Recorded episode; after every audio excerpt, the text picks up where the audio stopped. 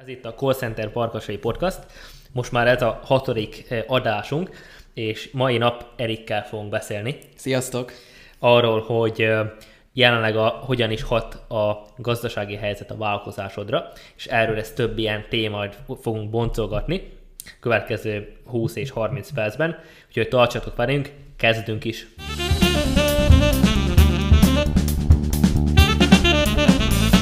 Ukrán-orosz helyzetről, hogy ezt szerinted hogyan is érintette, mit tapasztaltál, te? Azért is elég sok céggel beszélsz, elég sok cég, céget felhívsz, mi az, amit tapasztaltál, illetve te is így azért Youtube-on különböző helyeken úgymond jutsz információhoz, mi az, amit te tapasztaltál, hogy szerinted ez hogyan is hatott a vállalkozásokra, hogyan is érintette általában őket? Uh-huh. Hát biztos, hogy ez váratlanul jött az egész, szóval nem készült fel senki erre, bár mondjuk erre nem is nagyon, nagyon lehet felkészülni.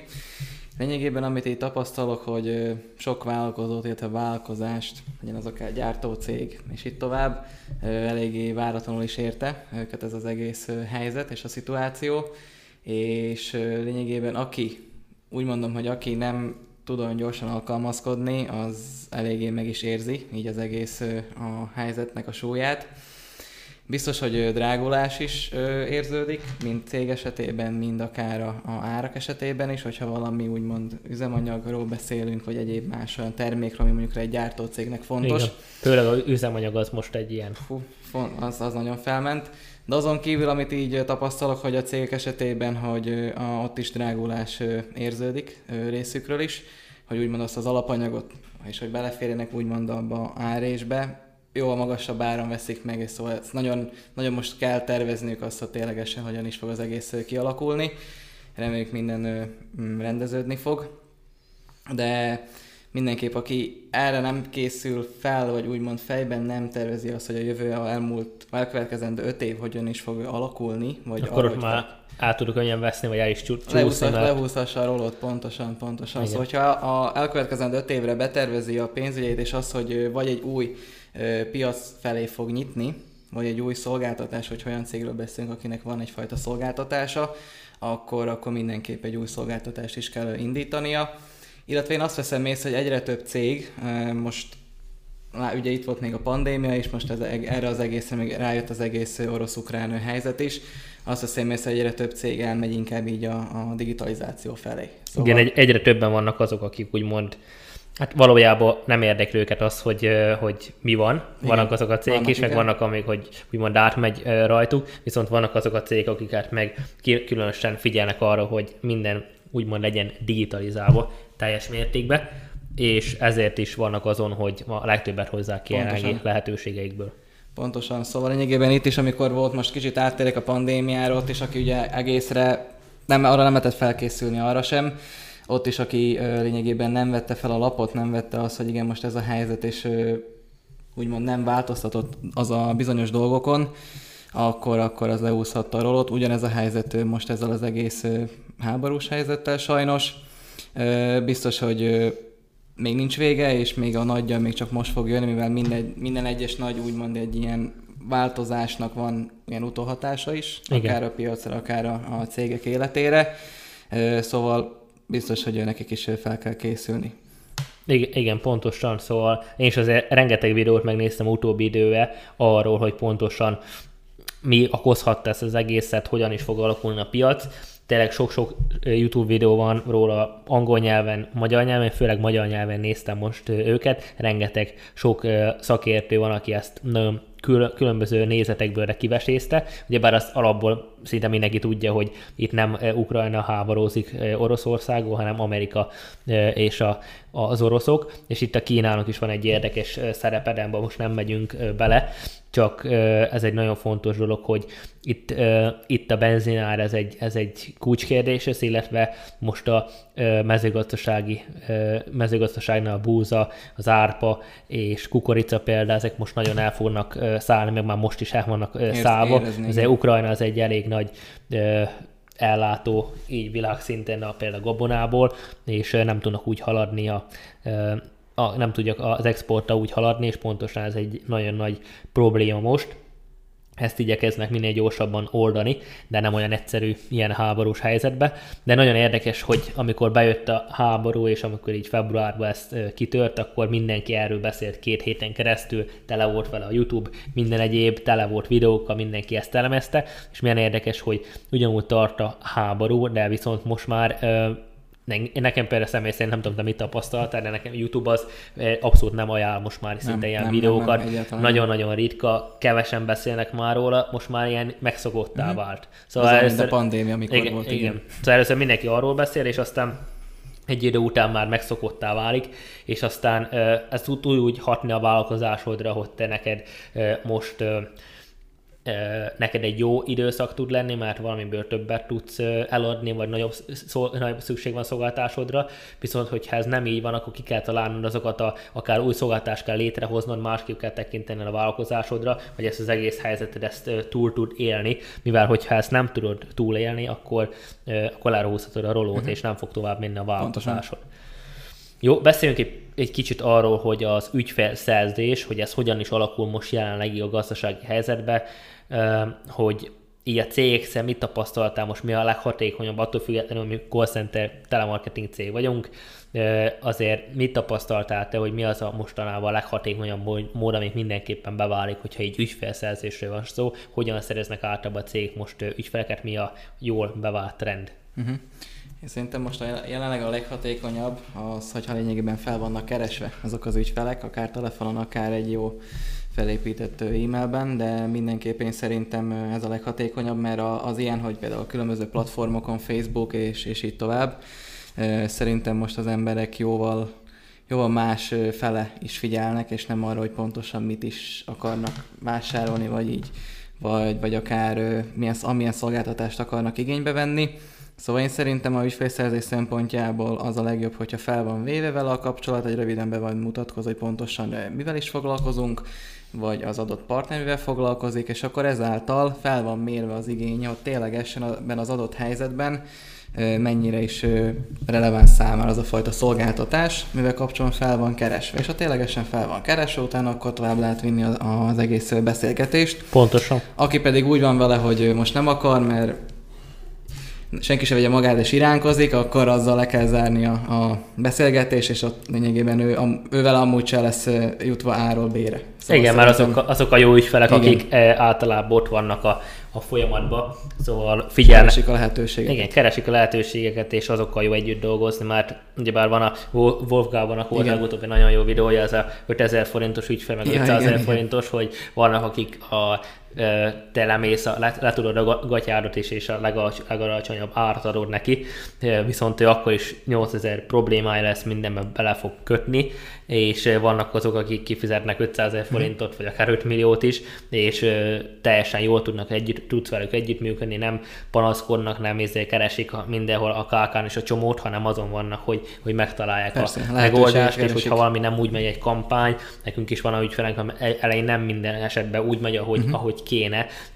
Ma is volt például egy ilyen eset, ezen kell tudni javítani, és ő teljesen korrektan elmondta, hogy mi az, ami szeretne javítani, javítsunk rajta, figyeljünk rá, és akkor mi ezeket meg is tettük természetesen, és ezért kulcsfontosságú az, hogy, hogy ilyen partnerekkel, mert ezek a jó partnerek, akik lehet együtt dolgozni, akik pedig olyanok, hogy 5000 forintot akarnak elkérni, vagy 5000 forintot akarnak fizetni, és, és mindenbe belekötnek, na azokat a ügyfeleket azokat el kell engedni, szóval neked kell tudni nemet mondani. Lehet az első egy-két hónapban a nem fogsz tudni, de amikor már működsz egy-két, három, négy, öt éve, vagy akár tíz éve, ezeket az ügyfeleket egyből neked kell nemet mondani, és nem kell velük dolgozni, mert csak később sokkal nagyobb uh-huh. problémákat, sokkal nagyobb lefoglalják az emberek, vagy kiégetik az embereidet, és akkor ott az embereidet, akik lehet, hogy eddig totál jól teljesítettek, kiégetik, akkor ezt másik projektekbe is fog hatni, és sokkal, sokkal rosszabb lesz az arány, mint hogyha simán nem vállaltad el volna azt a projektet, Pontosan. mert nagyobb lesz a, deficit belőle, szóval a veszteség belőle.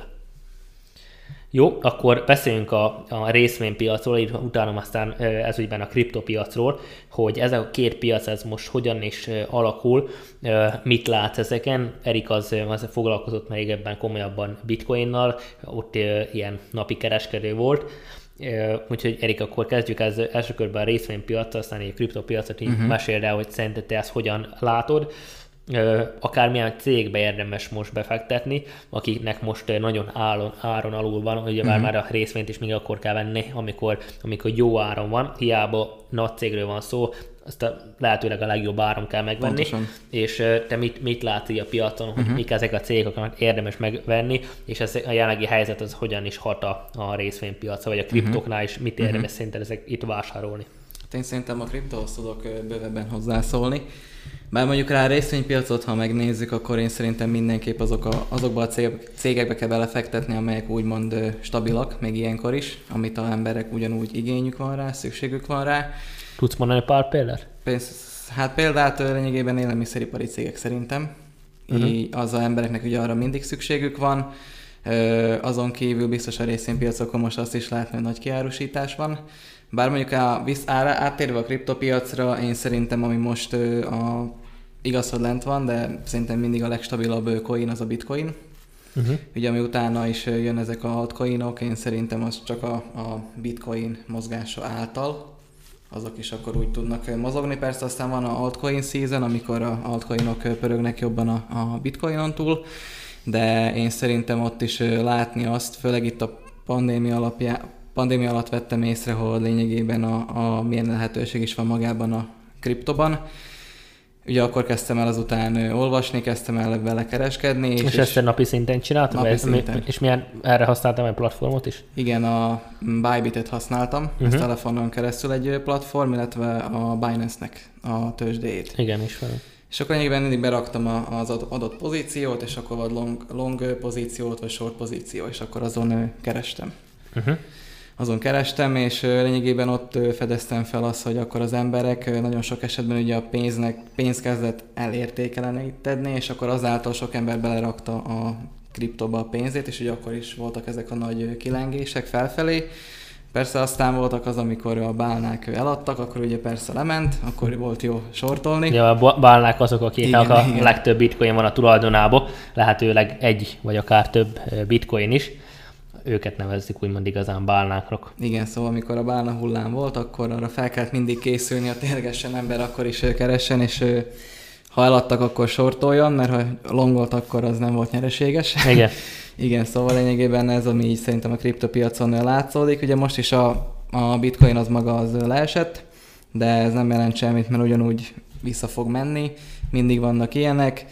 Ez korábban is látható volt, ugyanúgy ez akár jövőben is lesz még ilyen, hogy felmegy, persze aztán nem megy, mindig kell lesz, hogy teszteli ezeket a szinteket, de mindenképp azt tudom javasolni, hogy a, a kriptopiacot is érdemes ilyenkor figyelni.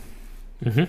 Igen, szerintem is így van, szóval én azt mondom, hogy a kriptopiacot én úgy látom, hogy régebben azt gondoltam, és az a 2017-től vagyok így abban szinten mondjuk benne, akkor vettem még Ethereumot, emlékszek rá, 27 euróért vettem egy barátommal, ő is vett, én is vettem, én 270-nél alattam, neki felment mm. még amikor volt majd 4000 euró is, most ugye már csak, most csak ilyen 850 eurót ér, viszont 2022 júniusa van, jelenleg amikor beszélgetünk, viszont az fontos elmondani, hogy itt is én régebben úgy csináltam, ilyen top 10 coin volt, amit úgymond vásároltam, plusz még volt a, a Kronos, amit még szoktam uh-huh. venni, a Crypto.com-nak a coinja, viszont most már, most már inkább azt gondolom, hogy a, Kronoson kívül, amit érdemes úgymond venni, az a top, top uh-huh.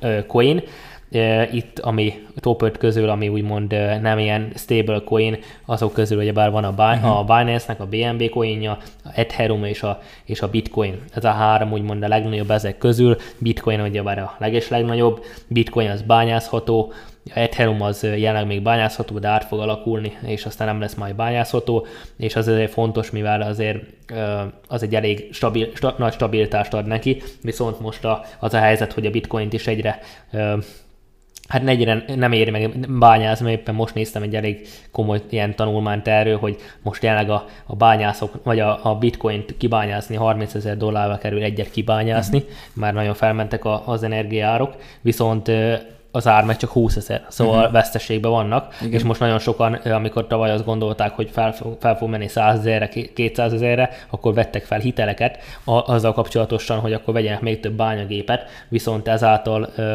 ezáltal ez most beszívták, hát és nagyon, nagy, nagyon nagy, sokan mínuszban vannak ezáltal, nagyon drága a kitermelés, és nem éri meg.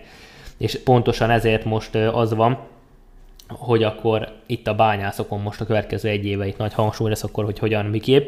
Én azt mondom neked, ez nem jósás, mert nem tanácsadás, viszont én azt mondom, hogy a bitcoin szerintem legalább 10 dollárig vissza fog esni a idejébe.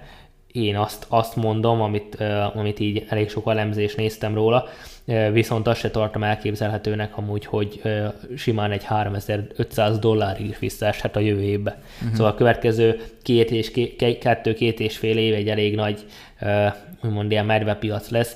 Tehát bitcoin az, mondom, egy, én azt mondom, hogy 3500-ig vissza fog uh-huh. menni egy 2024-ig, és aztán utána majd fog jönni egy, hamar, utána majd egy felévelés, utána fog tudni növekedni, de nagyon-nagyon sok következő időszakban nagyon-nagyon sok altcoin az kifogás, uh-huh. te is mondtad, azok nem annyira biztosak már, és azok nem nagyon, stabil, rengetegen következő 40-50 coin top 50-be de rengeteg el fog tűnni. Napi szinten és jönnek ki, napi szinten jönnek ilyen 100 fölött, nem is érdemes gondolkozni a top 100 felett, de a top 50 és rengeteg el fog tűnni. Én azt mondom nektek, ha tényleg kriptoba akartok úgymond fektetni, mert egyre jobban megéri venni, és venni is úgy is érdemes, hogy nem egyszerre beleteszed az összes, összes uh-huh. pénzedet, hanem ilyen uh, cost average-be veszed, hogy mindig veszel egy adott mennyiséget, például beállítasz egy uh, ilyen limitet, ha eléri a 15 ezer dollárt vesz, hogyha eléri a uh, per portfóliónak, amit ráteszel 1000 dollárt, akkor vesz 5%-ért, aztán 10%-ért 14-nél például, és akkor be lehet állítani egészen akár 3500-ig, hogy akkor, amikor lemegy 3500-ig, akkor a pénzének a legnagyobb részét akkor uh-huh. tegye bele, szóval ezt meg lehet így csinálni, de ez egy nagyon fontos dolog, hogy szerint én azt mondom, hogy a 3500 dolcsit is el fogja érni ez.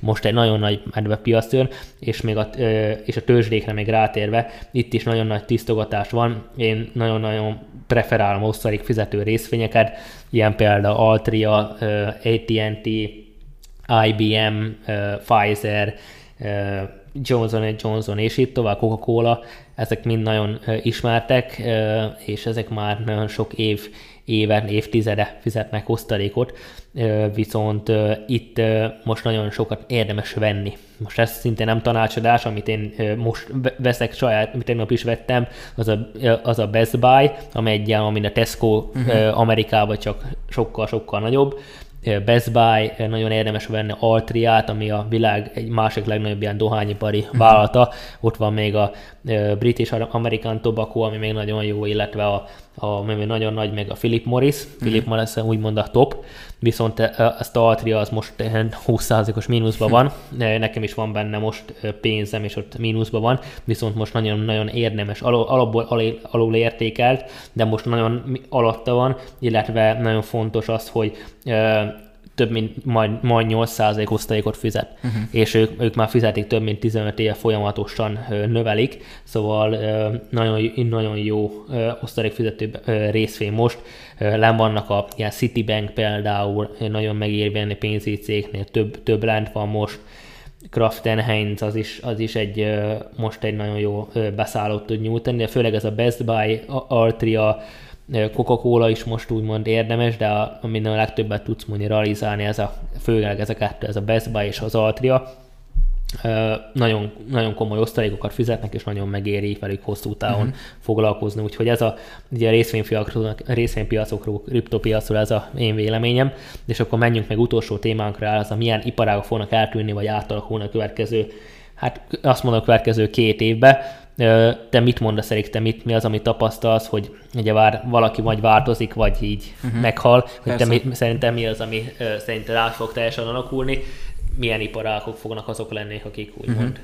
hát megszűnnek. Szerintem a nagy változás lesz, legalábbis aki akarja a változtatást, aki nem, az, az lehúzza a rolót.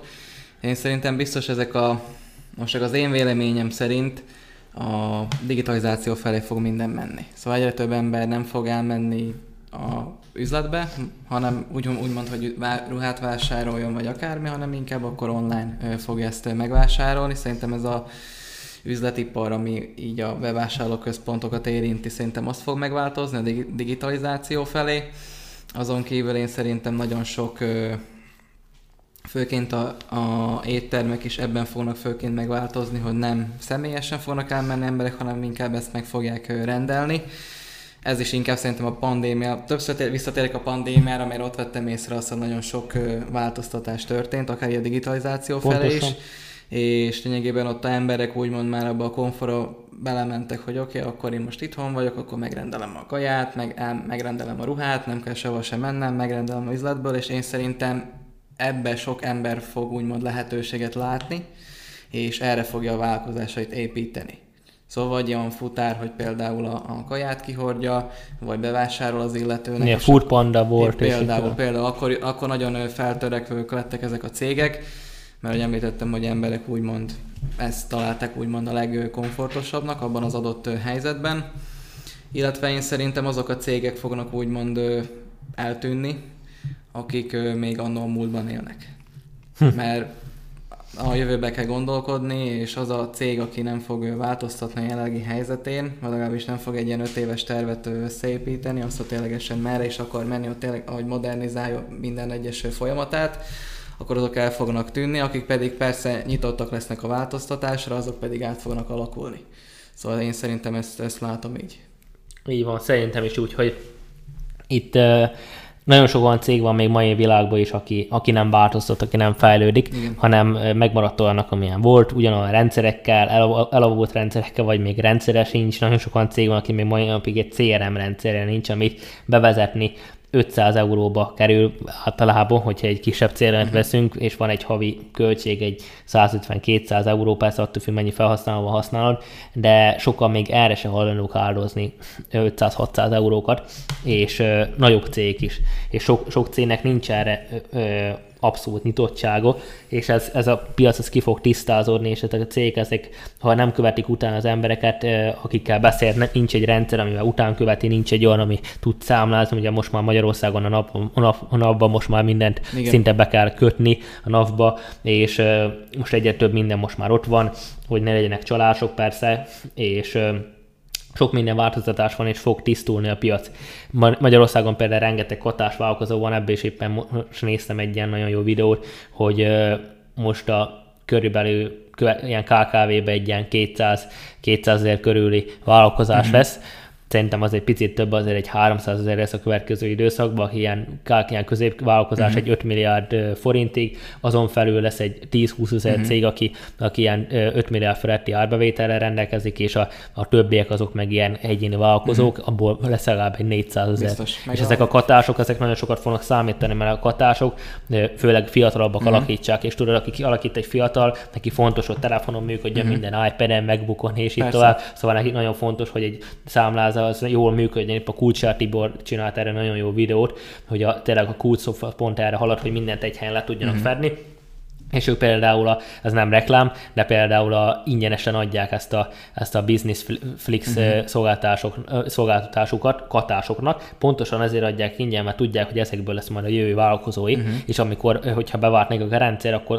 amikor később cégké válnak, akkor őket fogják szinte Persze. választani, és akkor mindent tudnak a CRM-től kezdve mindent egy helyen tudnak uh-huh. használni. És ez egy nagyon jó, jó megközelítés, és nagyon, és nagyon tetszett, és nagyon tisztelem a Tibort, hogy tényleg ő így gondolkozik, nagyon sokat lehet tőle tanulni, nézhetek utána, hogyha nem hallgathatok meg a videóit, érdemes, és itt is van az a, az a része neki, amit ő is elmondott, hogy erre harad a világ, hogy a mai katások fogják majd később majd uralni úgymond a piacot. Uh-huh. Persze multik mindig lesznek, az a 10-20 ezer nagy cég az mindig itt lesz, viszont a KKV-k azok, azok sokan sok cég kifogásni, aki idősek már úgy vezetők, tisztelet kivételnek, de valaki, valaki már 50-60, sőt már 70, 70 év felett van, Mondom nem is. úgy gondolkoznak, sokan valahol persze átadják utódoknak, de valahol sokáig nincs generációváltás, mert nincs, mm. aki átvegye a céget, azt eladják, átveszi egy külföldi, beolvasztja, és itt egy, egy külföldi cég beolvasztja, vagy bármi más, ott már más lesz a menedzsment, teljesen átalakul az egész, Úgyhogy érdekes piac, és érdekes következő tíz évnek nézünk elébe, de az biztos, hogy szerintem a iparágok közül a logisztika azért nagy változáson fog átmenni, a élelmiszer, ez a élelmiszeripari cég, akik, vagy semmi élelmiszeripari, ez a élelmiszer, mhm. élelmiszer kereskedő cég, hogy nagyon sok minden online fog átkerülni, online. illetve a szolgáltatóknál is, aki könyvelők, akik tényleg azokkal fognak együttműködni, akik mindenben úgymond digitalizációt keresik, és nem olyanok, már vannak még mai napig olyan, hogy postán küldik a számlát. 2022-ben, és, és rengeteg ilyen magyar cég van, aki még mindig így csinálják, és abszolút nem haladnak a korral, és ezek, ezek nagyon könnyen csődbe fognak jutni. Pontosan. És ha te hallgatod ezt a podcastot, akkor, akkor ha te egy dolgot is megfogadsz belőle, azt mindenki fogad meg, hogy, hogy hogy digitalizálj, és, és tényleg a legalapabb, hogy egy CRM rendszert vezess be a cégedbe, tanul meg, hogy ezt hogyan lehet használni, amikor például a Mayer Corporation megalapítottam, megalapítottam meg 2020 márciusában, áprilisban az volt az első dolgom szinte, hogy első hónap után, hogy egyből lett egy CRM uh-huh. rendszer. Nem engedhette volna meg a cégem, mert nagyon kevés tőkével indultunk, viszont akkor is be lett vezetve, és, és mondtam, hogy annélkül nem fog céget építeni, már előző vállalkozáson is tanulva. És el is indultunk, minden is azóta szuperül működik, rengeteg ügyfél van benne, rengeteg minden, és igazán most kezdjük el használni, uh-huh. ugye Erik, rengeteg most, most fejlesztjük, hogy lesznek egyre több értékesítők, és most kezdtük ezt használni, igazán eddig is használtuk, csak most ez így még szélesebb körben, még több felhasználától használva és nekünk ez össze van kötve a call center a szoftverünkkel, minden egyébben. Szóval a CRM egy alap egy, szolga, egy, egy vállalkozásba, ha te katás vagy, akkor is már ügyfeleket valahol kell kezelni, és ne Excelbe csinál meg bárhol más helyen, hanem, hanem tényleg ennyit áldoz bele, ezzel kezd, és aztán innentől kezdve tudsz ráépíteni különböző szolgáltásokat, amit előre tudják vinni majd a, a vállalkozásodat. És nagyon fontos tanács, főleg ha katás vagy, akkor kezdj el értékesíteni, szóval ha még csak most kezded a vállalkozásodat, vagy még csak ötleted van róla, akkor kezd el eladni. Nézd meg, hogy a piacon mennyire van igény arra, amit te csinálsz, és hogyha van rá igény, és eladtál már 5-10 embernek, akkor igazán kezd el csinálni. Hogyha senkinek nem kell az a szolgáltás, vagy nem abba a formába, akkor vagy abba kell hadni, vagy át kell alakítani, de olyan piacba kezd, amiben hosszú távon is van pénz. Ez nagyon-nagyon fontos és ne vakítson el azt, hogy te szereted azt, amit csinálsz, hanem arra koncentrálj, hogy pénz is legyen belőle, mert ebből fogsz majd tudni fejleszteni és minden egyébet csinálni. Ha egy vállalkozásban nincs profit, nincs benne olyan szinte igény az ember, de szereted csinálni,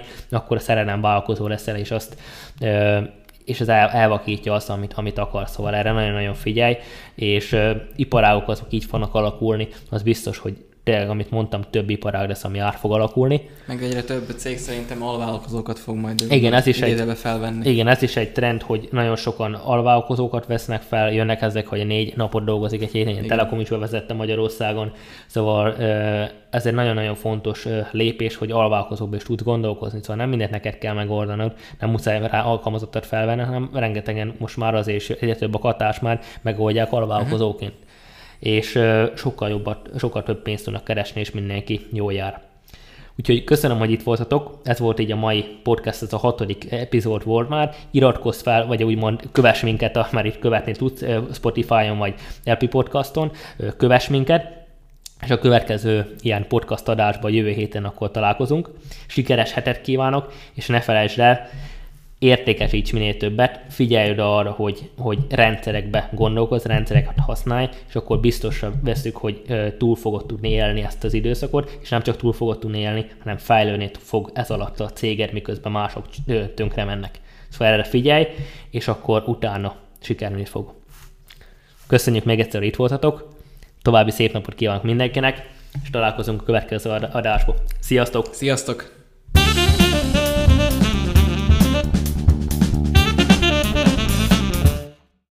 Sziasztok, Majer Gábor vagyok, és ez itt a Call Center Farkasé Podcast.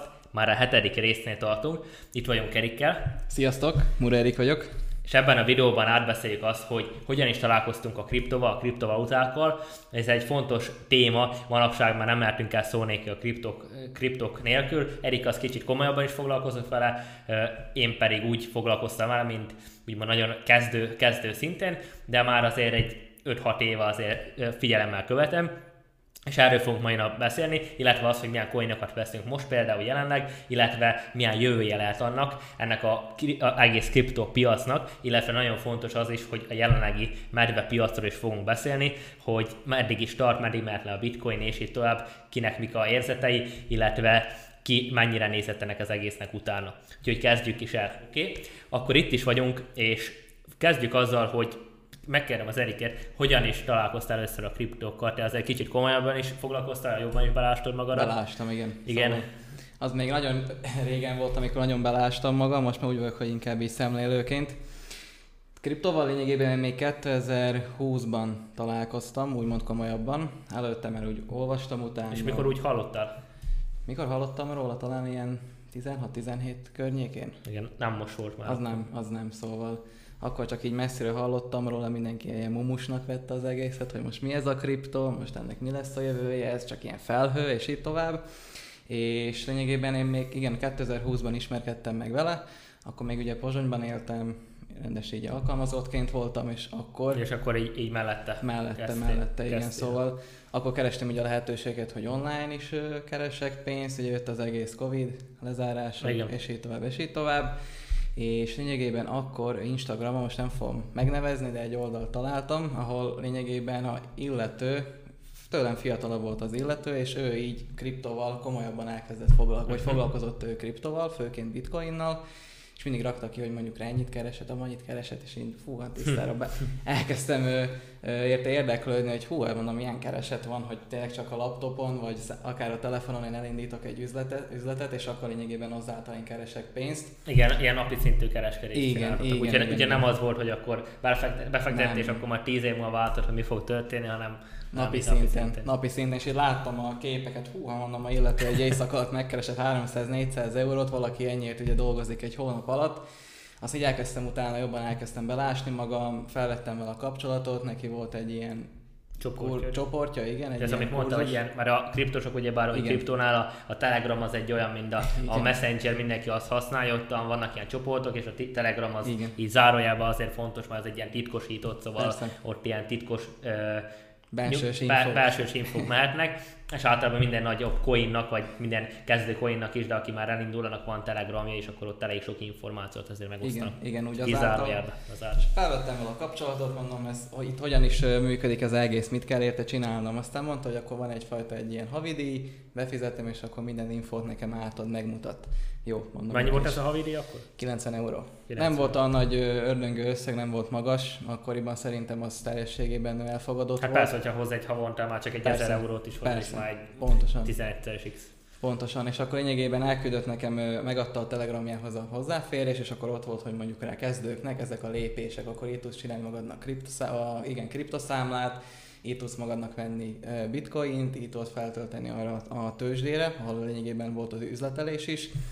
Jól mondom, ez nekem tiszta kínai volt. Jó, igen. láttam, hogy Kraken, mondom, mi ez a Kraken, mondom, a Kraken még nekem még... Ja, a... azt használták? igen, első körben. Ez egy ilyen tőzsle. Igen, igen, a Krakent, és akkor lényegében beregisztráltam, kért tőlem mondjuk rá számlakivonatot, lakcímet, tisztára. Mint, egy, mint egy bankban. Úgy, igen, úgy, ére, úgy éreztem magam, mintha valami illegális dolgot csinálom, mondom most ilyen Kraken Com, ugye nekem még a Karib-tengerben maradt meg, azt hiszem ott volt még annó a, a főgonosz, a Kraken. Igen, már ilyen, ilyen igen, poli, poli, poli, poli, poli, poli, a logójának igen, különleges.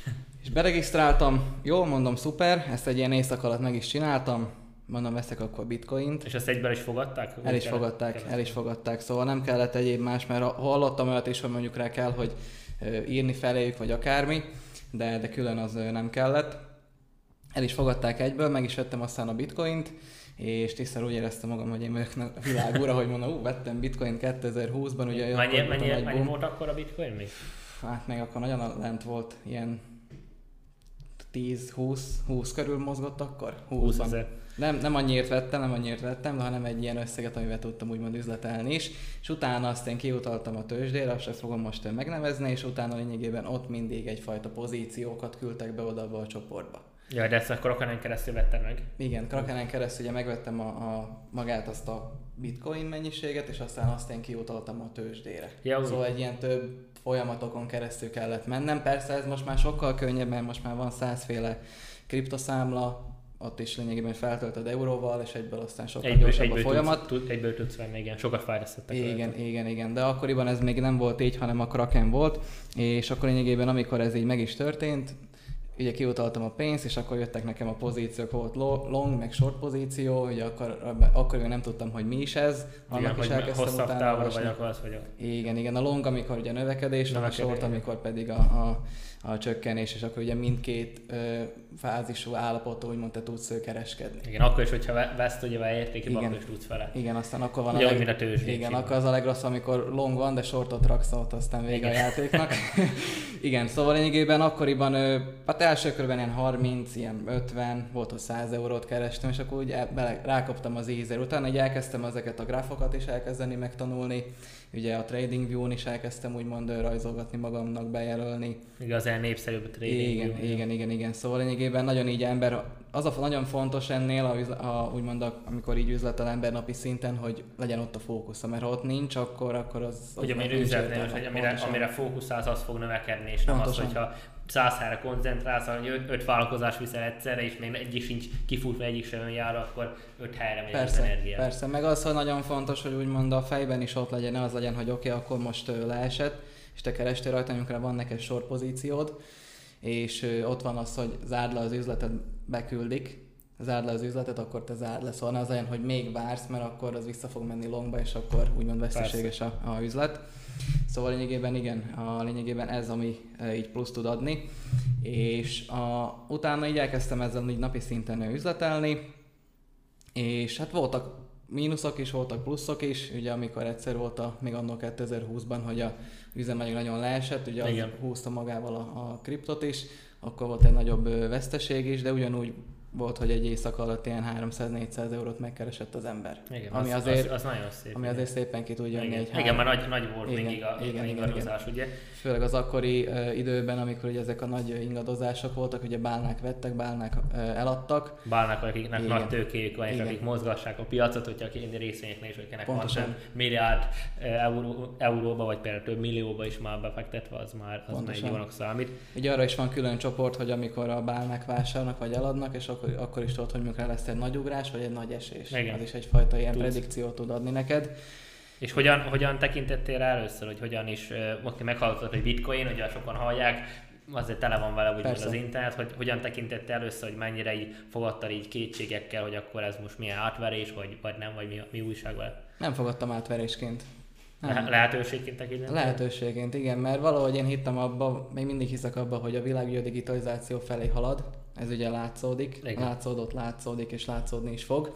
Szóval én szerintem biztos, hogy ebben a, a kriptoban nagy lehetőség volt akkor, meg szerintem a jövőben is nagy lehetőség lesz, de erre is majd akkor részletesebben ki tudunk térni.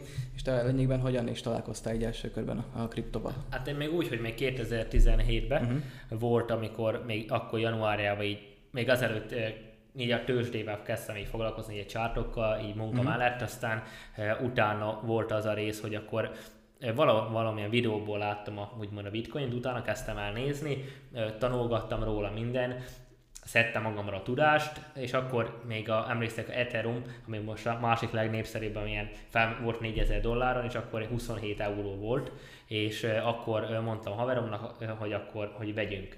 Aztán ő is vett, én is vettem, úgymond rábeszéltem őt, aztán fel is ment nagyon gyorsan ilyen 10-szeresre, szóval 27, 270 euró volt, 270-nél eladtam, kiszálltam belőle, és haverom az még nem.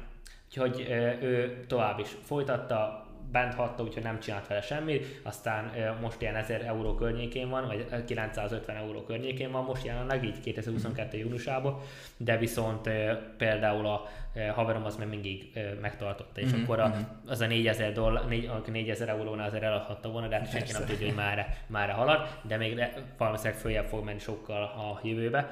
Viszont itt, itt találkoztam el először, és akkor emlékszek rá, még akkor kereskedtem így mm-hmm. magyar YouTube-on, mm-hmm. hogy vannak ilyen videók, meg minden, és nagyon-nagyon nagyon kevés volt, és akkor eldöntöttem, akkor csináltam kettő vagy három, azt hiszem két videót csináltam, mert volt egy YouTube csatornám, aztán az már nincsen, az már abszolút az a fiókot megszüntettem, viszont volt egy YouTube csatornám, 70 feliratkozó körül, körül volt, és akkor ezt magyar nyelven csináltam, önfejlesztéstől kezdve volt minden, és akkor ott kezdtem el kriptóról csinálni videót. És szinte akkor nem volt akkor 2014-ben senkinek uh-huh. videója róla, és akkor, akkor mind nagy lehetőségként beszéltem róla, akkor nem is, most nem akarok hülyeséget mondani, mennyi volt, de nagyon lám volt, szóval ilyen, ilyen 5000, 5000 alatt volt, 5000 dollár alatt bőven, és akkor én nem vettem abszolút így pénzügyek anyagilag nagyon, nagyon rosszul álltam, úgyhogy nem is volt volna a lehetőségem. Kölcsönből nem is gondolkoztam akkor, lehetett volna.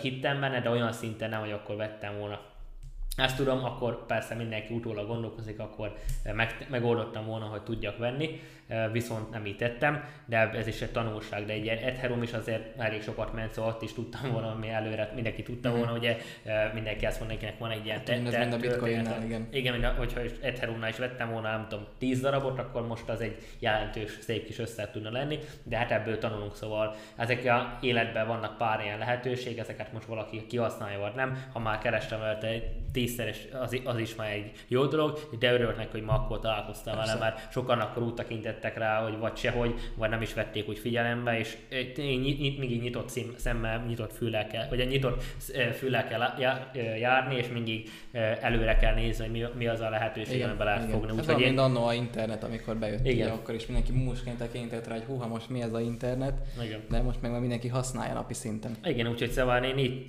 találkoztam vele, és én úgy tekintettem rá is, mint lehetőségre. Nem akkor a lehetőséget nem látom benne, mint, mint amit láthattam volna, viszont, viszont azért egy nagy, nagy opció volt akkor is, és most is van benne nagy lehetőség, de arról majd beszélünk később, hogy akkor ez hogyan is tud kinézni, hogy milyen opciók vannak arra, hogy merre fog menni szerintünk az árfolyam, merre, hogyan, miképp, mennyi időn belül, úgyhogy már erről is egy kicsit fogunk beszélni a, a további részbe. Jó, és akkor most itt a videót le is zárjuk, viszont folytassuk podcastbe, szóval ha videó alatt rákattintotok a linkre, akkor Spotify-on vagy Apple Podcast-on meg tudjátok hallgatni a többi részt. Elmondom előre, hogy mik lesznek így benne. Lesz az a negyedik pontunk, ami felírtunk, hogy milyen coinokat veszünk most, és, és miért ezeket. Aztán itt a beszélünk a bitcoin és itt tovább, hogy ki mit vásárol természetesen. Aztán ötödik pontunk lesz a medvepiac, hogy jelenleg a, a piac az nagyon lent van, bitcoin az most 20 ezer dollár környékén van, most már 19 ezer 19 ezer környékére is most már leesett így a tegnapi nappal, és a mai nappal, úgyhogy úgyhogy erről is fogunk beszélni, illetve ott van még az a rész, így a hatodik pontban, hogy mi a kriptopiacnak a jövője, hogy hogyan lássuk azt, hogy mi a jövő, már tud ez az egész elhaladni, mekkora lehetőség van benne, érdemes egyáltalán befektetni, mi a tanács, ez nem pénzügyi tanácsadó, ez fontos elmondani, Erik és én sem vagyunk pénzügyi tanácsadók, ez egy ilyen közös vélemény nyilvánítás, meg tudod hallgatni, és hogyha valami okosságot mondunk, akkor azt fel tudod használni természetesen.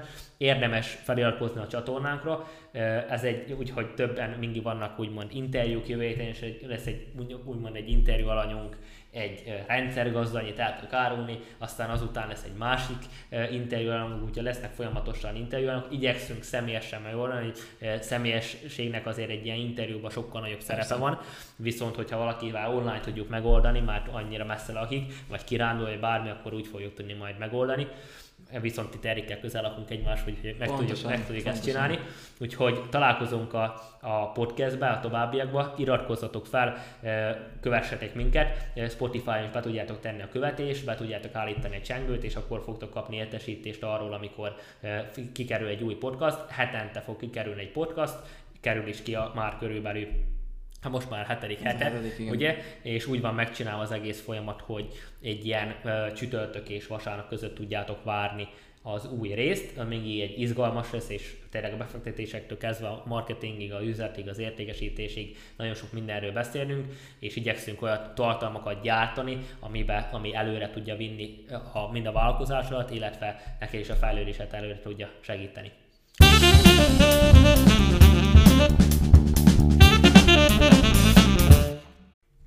Folytassuk is, Erik. Az a rész jön, hogy milyen coinokat is szoktál most venni, milyen kriptovalutákat, és miért pont azokat? Uh-huh. Miért pont azokat? Jó, amiben nagyon hiszek, meg van is jövője, az a bitcoin. Csak azért is, mert ugye a stabil. Igaz, nagyon sok ember nem hisz, nem hisz az egészben, mert ugye nincs mögötte valós ember, hanem csak egy valaki. Az a valaki, az, az ki is pontosan, ez egy jó kérdés. nem tudni. Igen. Szóval a bitcoint azt vásárol, még az, hogy most lent van, de az csak nekünk kedvez. Ugye most kiárusítás van, úgy is lehet mondani. Végkő Igen, igen, igen. Még várjuk, hogy még az kicsit menjen le.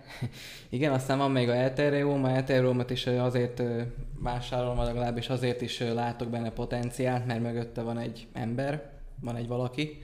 Igen. És benne is látok, mivel az a valaki az eléggé sok ilyen különböző dolgokba is úgymond megjelen, befektet, arcát- arcát, arcát arcát is hozzáadja, hozzá, az igen. nagyon fontos, hogy legyen, legyen a maga a coin mellé valaki olyan, amit össze tudod párosítani. Valamint még a, a Litecoin, szerintem az is egy jó coin. Az, azt miért? Az csak azért is, mert az mögött is van egy ember, aki, aki úgymond arcát adja hozzá, illetve az, hogy... Csak a az már régi coin, az már. Régi, igen. Már nem, nem most. Nem, nem, nem, nem. Meg lényegében az pedig a bitcoin kódolásra épült az egész, a Litecoin. Azt nem is tudtam. Na, na, na azért, azért is látok benne potenciált. Illetve még ugye ez a metaverse, erre majd végén konkrétabban is rá tudunk térni, a metaverzes coinokon belül ez a sandbox. Uh-huh. Az ilyen, ilyen metaverse platformra épül? Vagy ez? Igen, igen, igen. Én hallottam már, igen. Szóval is majd a podcast végén ki tudunk rátérni, amikor majd lesz a téma kipe- kiveséz, vagy pontosan mi is a, a coinoknak a jövője. Ott majd egy pár szóban akkor ezt így szívesen megosztom majd a véleményemet. Illetve amik még nagyon jók, ezek a coingekon figyelni az, hogy milyen altcoinok jönnek ki. Szóval ott is ugye... Ott lehet figyelni azokat, hogy ott kidobja Igen, a legújabbakat, arra rá lehet szűrni, hogy most mik, mik vannak. Csak tudod, ezekkel altcoinokkal az van, most lehet, hogy kicsit témán kívülre kitérek, hogy az altcoin nagyon fontos, hogy ö, hogyan is jut hozzád az információ, és hogy mikor. Mert hogyha te, te hozzád úgy jut, úgy jut az információ, hogy jóval azelőtt, mielőtt akár a coingekon, akár a coin market cap már úgymond listingelve van az adott coin, és azelőtt te megkapod az infót, hogy figyelj, akkor ebbe fektes bele, akkor, akkor tudsz rajta szépen keresni. De ha már te utána vagy, az már szerintem kis olyan spekulatív üzlet, Ott hogy most, nehéz, a, igen. hogy most ez most felmed, lemegy, vagy most tényleg ez a nagy boomja van, nagy hype, és akkor ez felmegy, hogy akkor mindenki megkeresi a pénzt, és akkor kiveszi, akkor meg ugye leesik. Hallottunk nem egy pár ilyen sztorit, ugye volt a mm, mm, Squid Game-es coin, ott Igen, is igen. nagy, ö, ott nagy, a- kijött a játék, csináltak rá egy coint, ugye, vagy egy Igen, játék, igen, a film, igen. kijött, vagy a sorozat kijött, igen, csináltak rá egy coint, mindenki azt vette, felhypolták, aztán kiszálltak belőle. pontosan, pontosan. Kihúzták a szőnyeget. Igen, valahogy úgy. Szóval azért is mondom, hogy fontos mindig azokat figyelni, amelyek stabilak, illetve az, ami a stabilakat követi. Azt ugye mindig a Coin Market Cap-en azt a ember ö, meg tudja így nézni, ugye ez nem tanácsadás, ez csak egy ilyen, amit így Tip. tip, tip, amit meg tudnak az emberek fogadni, illetve az, hogy fontos az, hogy ha ember ténylegesen ezekbe a friss altcoinokba akar fektetni, fektetni, úgymond investálni, vagy úgymond akár gyors pénzre szert tenni, most lehet, hogy ez kis olyan nem szakszavakkal fogom elmondani, akkor nagyon fontos, hogy az pedig különböző csoportokba kutakodjon ezek után, és megtalálja azt az információforrást, ahol, meg, ahol úgymond hozzájut ezekhez a coinokhoz még azelőtt, mielőtt még úgymond a piacra dobják ki. Uh-huh. Igen, igen, igen. Jó, itt a, itt a ugyebár coinoknál még annyit szeretném volna is hozzáfűzni, hogy ott mik a, mik a opciók, hogy miket, miben hiszek.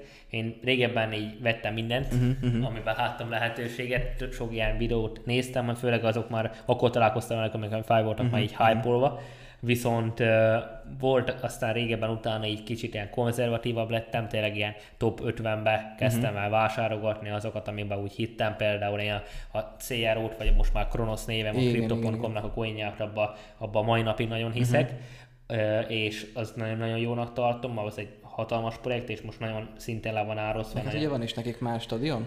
Stadionra neve, át, megvették 20 megvették, évre, aha. hogy a, például most megvették 20 évre, hogy a stadiont Amerikában, és stadiont ő nevüket viselje 20 évig. Ott vannak a, tényleg a Forma 1-től kezdve a, a VB-nek, most a foci VB-nek, a, ők lesznek ez Mhm. egyik szponzorai, szóval nagyon sok helyen ott vannak, tényleg a Forma, Forma 1 volt a e, UFC-be, ugye bár Mhm. ahol MMA-znak, abban is ott vannak meg sok-sok-sok helyen, és e, mindenhol ott a logó, szóval azért eléggé, főleg Amerikában Persze. nagyon nyomják, de Európában nagyon nyomják a marketinget, és szépen is halad.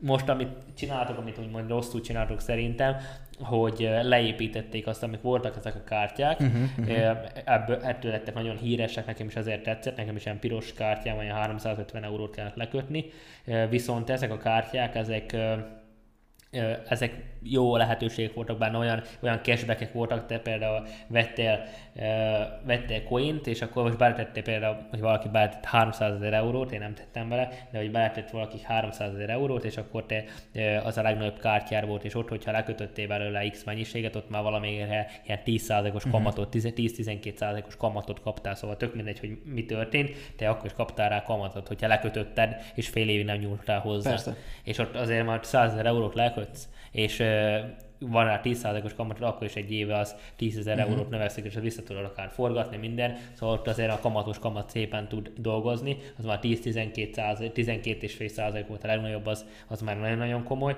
illetve ott volt a másik lehetőség az, hogy mindenféle, vagy 8 százalék cashbacked volt például, te vettél valamit 8 euró, vettél valamit 100 euróért, uh-huh. ha vakártyával, akkor téged 8 eurót visszafizetett uh-huh. neked, jóvá írt abba a CRO-ba, és azt felhasználhattad, vagy Persze. benne hagytad, vagy bármi egyéb szóval egy nagyon-nagyon jó lehetőség, 8% az nagyon magas, én körbejártam az összes szlovák bankot, mert én is akartam, hogy akkor én vettem azt a kártyát, ott 2% volt ugye, abban a piros kártyával, és én körbejártam bankokat, milyen lehetőség van, szinte összes bankban mentem Szlovákiában, aminek van úgy értelme, azok a bankok nem ilyen kiszarbankok, hanem a normálisakhoz, és akkor be is, be is mentem, és egyszerűen be, volt, hogy bementem például Unicreditbe, itt Szlovákiába, és bementem, és a nő az nem is hallotta arról, hogy cashback. Tehát bankba, bankba. Ja. Bement, bemegyek, és mondta neki, magyaráztam, hogy mire van uh-huh. szükség, egy olyan kártyáról, ugye bár a, most főleg a hitelkártyákról beszéltem, e, már arra annak, ugye bár, hogy a hitelkártyán, hogy mennyi a cashback.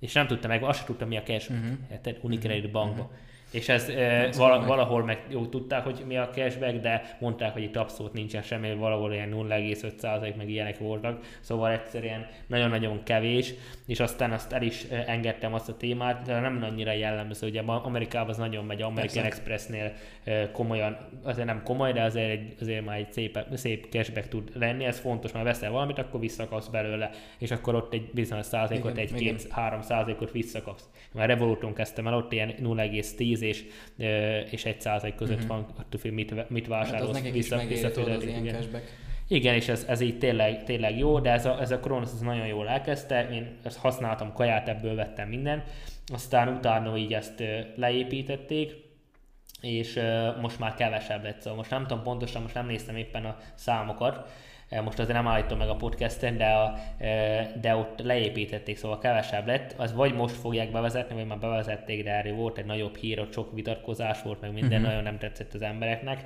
és most nem, nem azért, hanem a mervepiac véget, de, de leesett a, uh-huh. most uh-huh. megint 0, én 0,10 volt, hogy 0,10 centnél vettem, volt, hogy adtam el 60-70 centnél is mhm, darabját, uh-huh. most is ilyen 10, 10 cent körül van így dollárba, úgyhogy nagyon érdemes most ezt is venni, és aztán még a tovább haladva, hogy nekem, én most aztán úgy csináltam egy idejében, hogy ilyen top 10 coint azokba uh-huh, vettem. Uh-huh. Aztán, amikor volt ilyen uh, terám, az nem volt, de ilyen Solana is volt, az is leesett, de a terát, amikor láttam, akkor az is ilyen kilencedik volt, és amúgy egyik egy hét alatt szinte lenullázódott az egész, és az egész terra úgymond eltűnt, és pedig az egy kilencedik coin volt és akkor én úgymond realizáltam tényleg, hogy a Kronoszon kívül nekem van még egy régi coinom, az a Harmony, ami még ott tettem vele, de azt még nem uh-huh. adtam el, mert ott van, van vele most egy veszteségem, azt még nem adtam el, de azon kívül nekem csak Kronoszon és a jövőben is nem tervezek semmilyen ilyen új coin, szóval én nagyon ilyen, most már ilyen konzervatív lettem uh-huh. itt a mhm. kriptopiacsal kapcsolatosan, szóval én arra azt csinálom most már, hogy csak a top 5 coint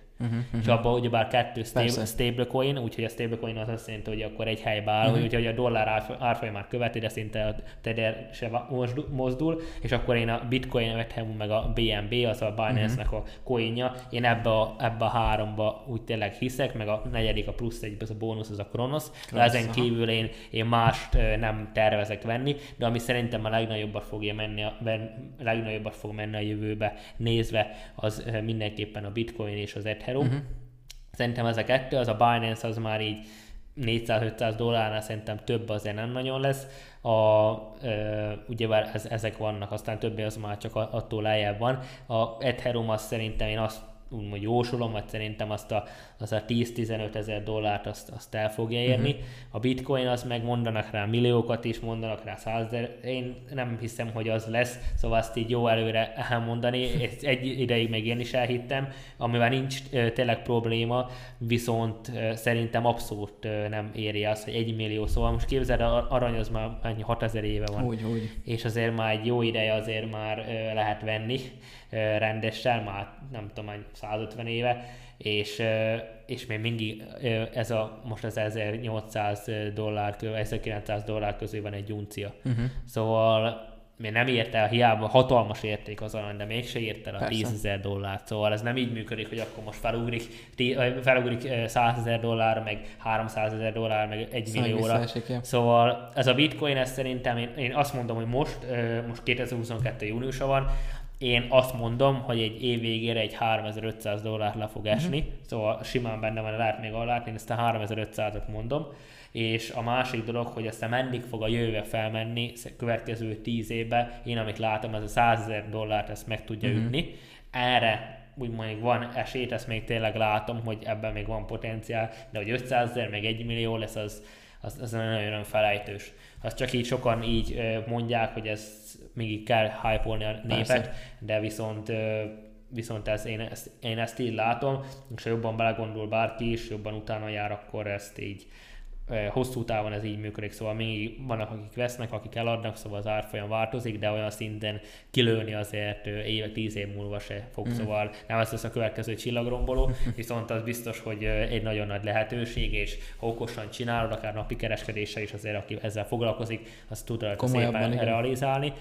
Öt éve még egyszerűbb volt, meg három éve, most már azért egyre úgymond stabilizálódik a Mhm. piac, és pontosan ezzel a stabilizáció véget már nincs nagyon az, hogy akkor Hát, eh, hogy akkora órások lennének. Azért vannak változások, de már ne, még nem, eh, lényegében nem akkorák.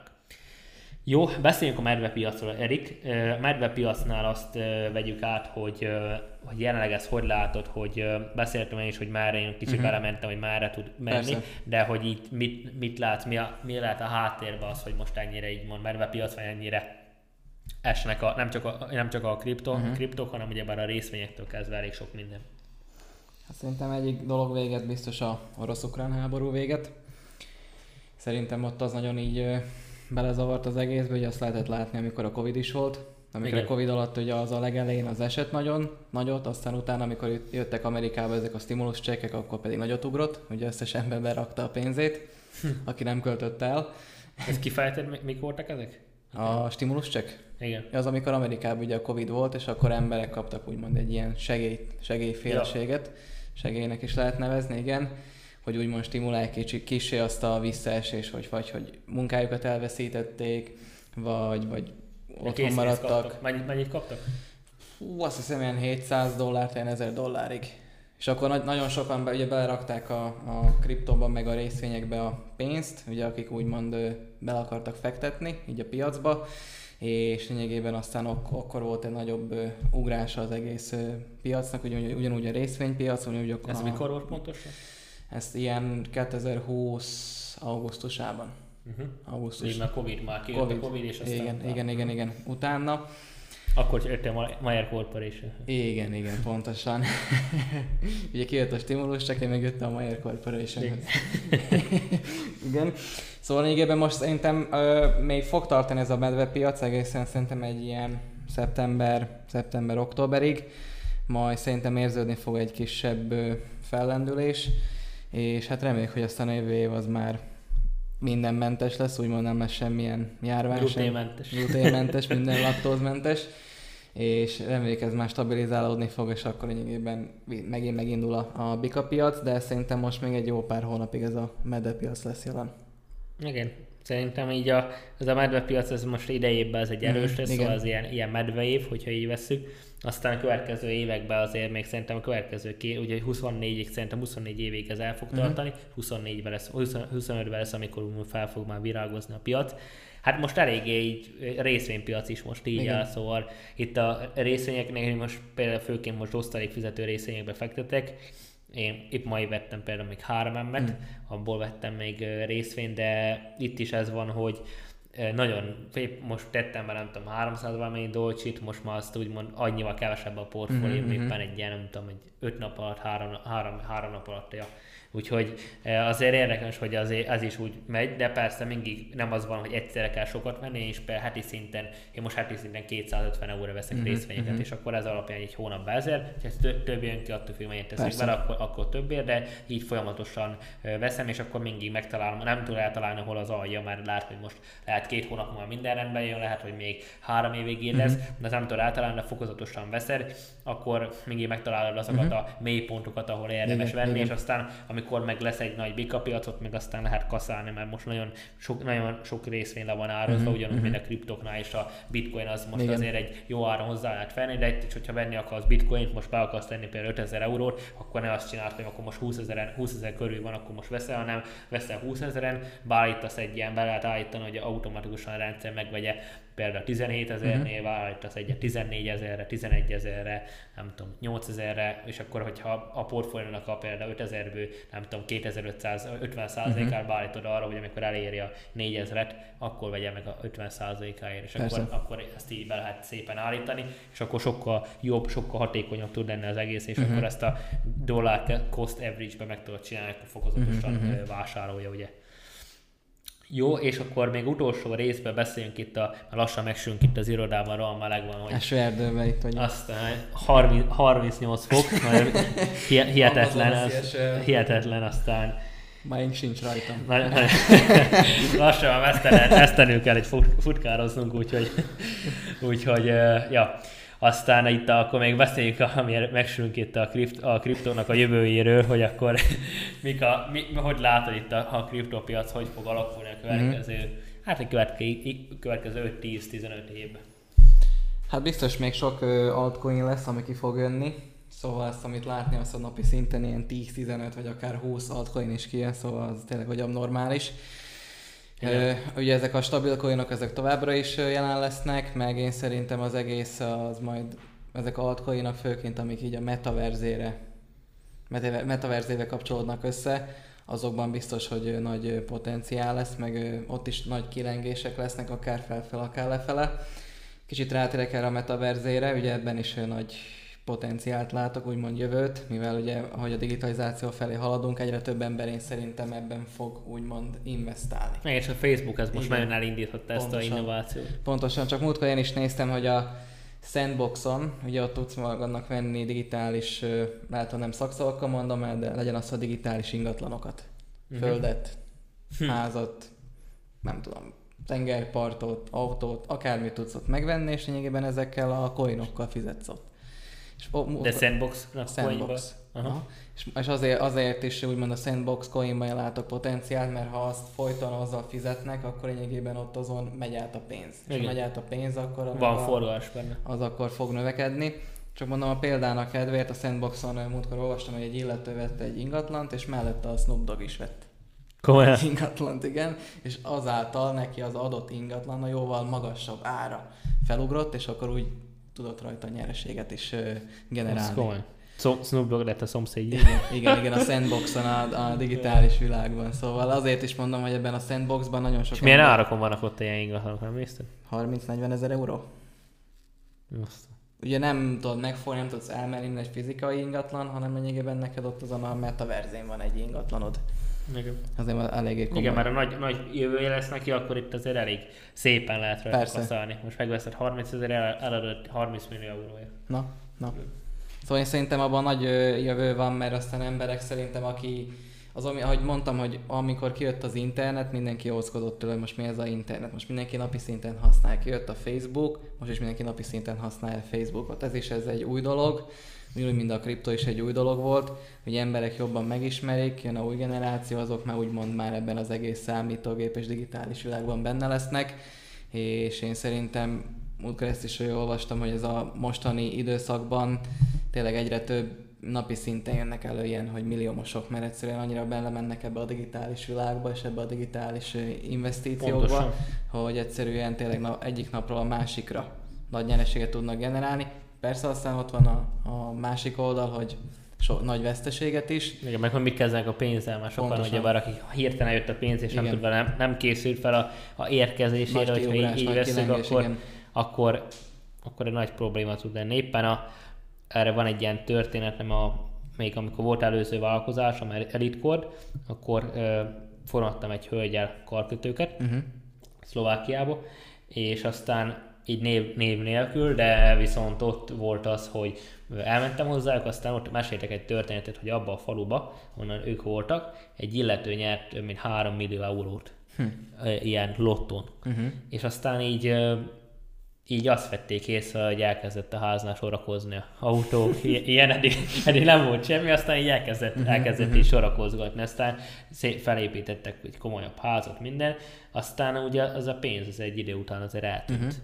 Persze. És, és azért tudod, hogy az 3 millió eurónál, akinek megvan egy kicsit a pénzügyi intelligenciája, uh-huh. szóval akkor általában az emberek elkezdenek nagyobb lábban élni, vesznek egy autót, és itt tovább, és akkor vesznek olyan dolgokat, amit nem kell, már még sokkal drágább ruhákból öltözködnek, és persze fontos, hogy ahogy fejlődik a fejlődt pénzügyileg, akkor fejlődje az, hogy lesz már drágább ruhákba jársz, minden egyéb, viszont ne azért annyira legyen kiemelkedő, mert nem kell, nem tudom, 10 euróért vennél egy órát, persze vehetsz órát, hogyha már ott vagy, mert az egy bizonyos szinten érték, persze. de hogyha sokan, sokan vesznek egy felsőt, persze designer ruha meg van értéke, hogy úgy veszed, de vesz egy Gucci felsőt, nem tudom, 600 euróért, az oké, okay, van egy értéke, de ami ha te hordod, addig az neked az egy kiadás, mert az vesztek az értéke, van mm-hmm. autót is használod, oké, megveszed, nem csak nem az, hogy megveszed ezt a Gucci fősőt, és akkor te beteszed a szekrénybe, te használod, te azt kimosod, azért az el, el és, ugye, persze.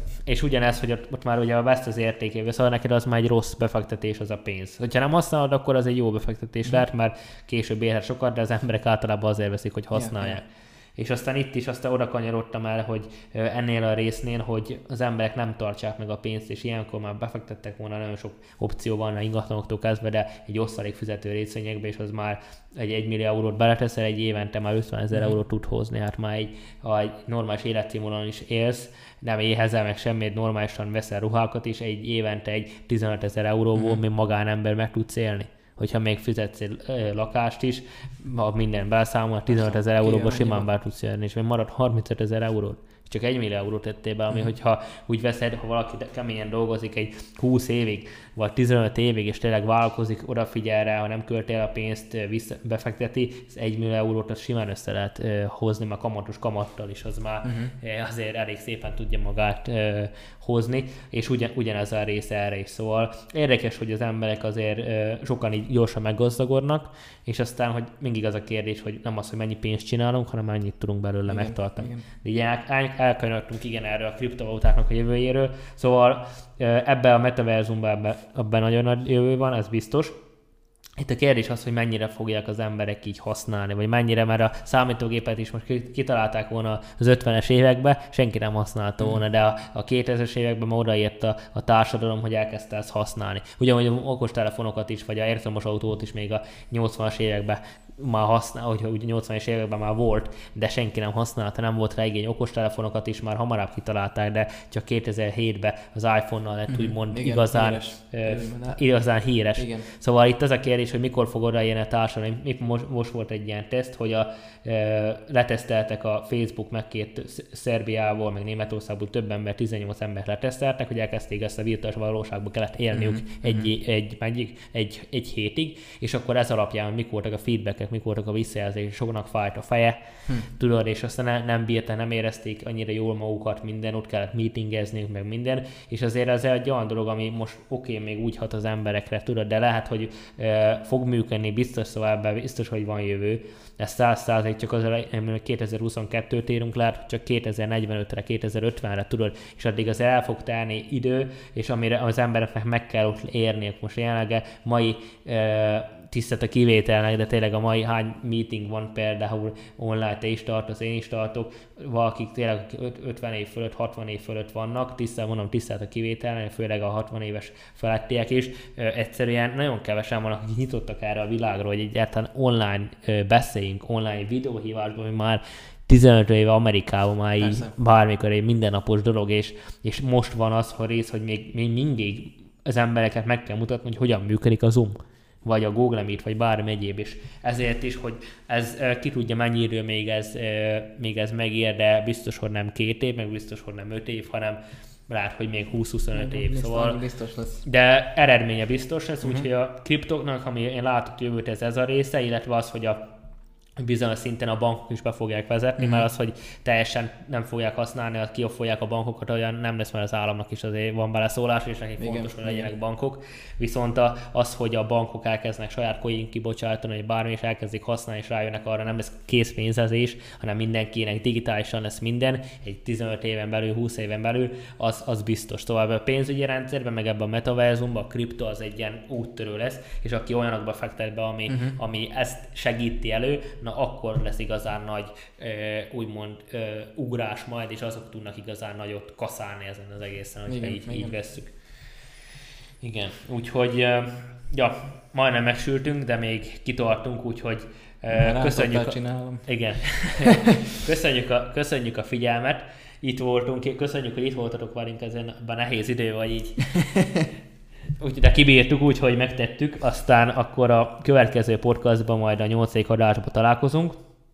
Ez egy kedves vendégem és vendégünk is, attól függ, Erik itt tud majd lenni már pénteken, ez, pénteken Erik nem mindig van, de a lényeg, hogy a legrosszabb esetben is ketten leszünk, és ott majd a, ott majd a rendszergazdáról, ugye arról fogunk beszélni, hogy az internet, a interneten hogyan tudnak úgymond átverni, ezt hogyan tudod kigűszöbölni, mire tudsz figyelni, szóval ezt egy ilyen rendszergazda személyével, egy nagyon kedves barátom szemébe fogjuk ezt az egészet megnézni, ő is most már Dunaszerdehelyén lakik, egy jó pár éve, úgyhogy itt személyesen tud lenni, úgyhogy lesz majd kép is róla, videó is róla, úgyhogy tartsatok velünk legközelebb is, kövessétek be a a Call Center Farkasé podcastot, iratkozzatok fel YouTube-on is, hogy folyamatosan jönnek ki heti szinten új videók, amik, amik segítenek abban, hogy több pénzt tudjál csinálni, szóval ezért most már a csatornának a mottoja, hogy legyen valami motiváció, mert ez tényleg erről szól így a csatorna, meg erről szól a Mayer Corporation, és ügyfelszerzésről tudjál úgymond pénzt csinálni, hogy minél több pénzt tudj generálni, mind saját magadnak, mind akár a vállalkozásodba is, szóval mind befektetésként, illetve mind vállalkozóként is, hogy egyre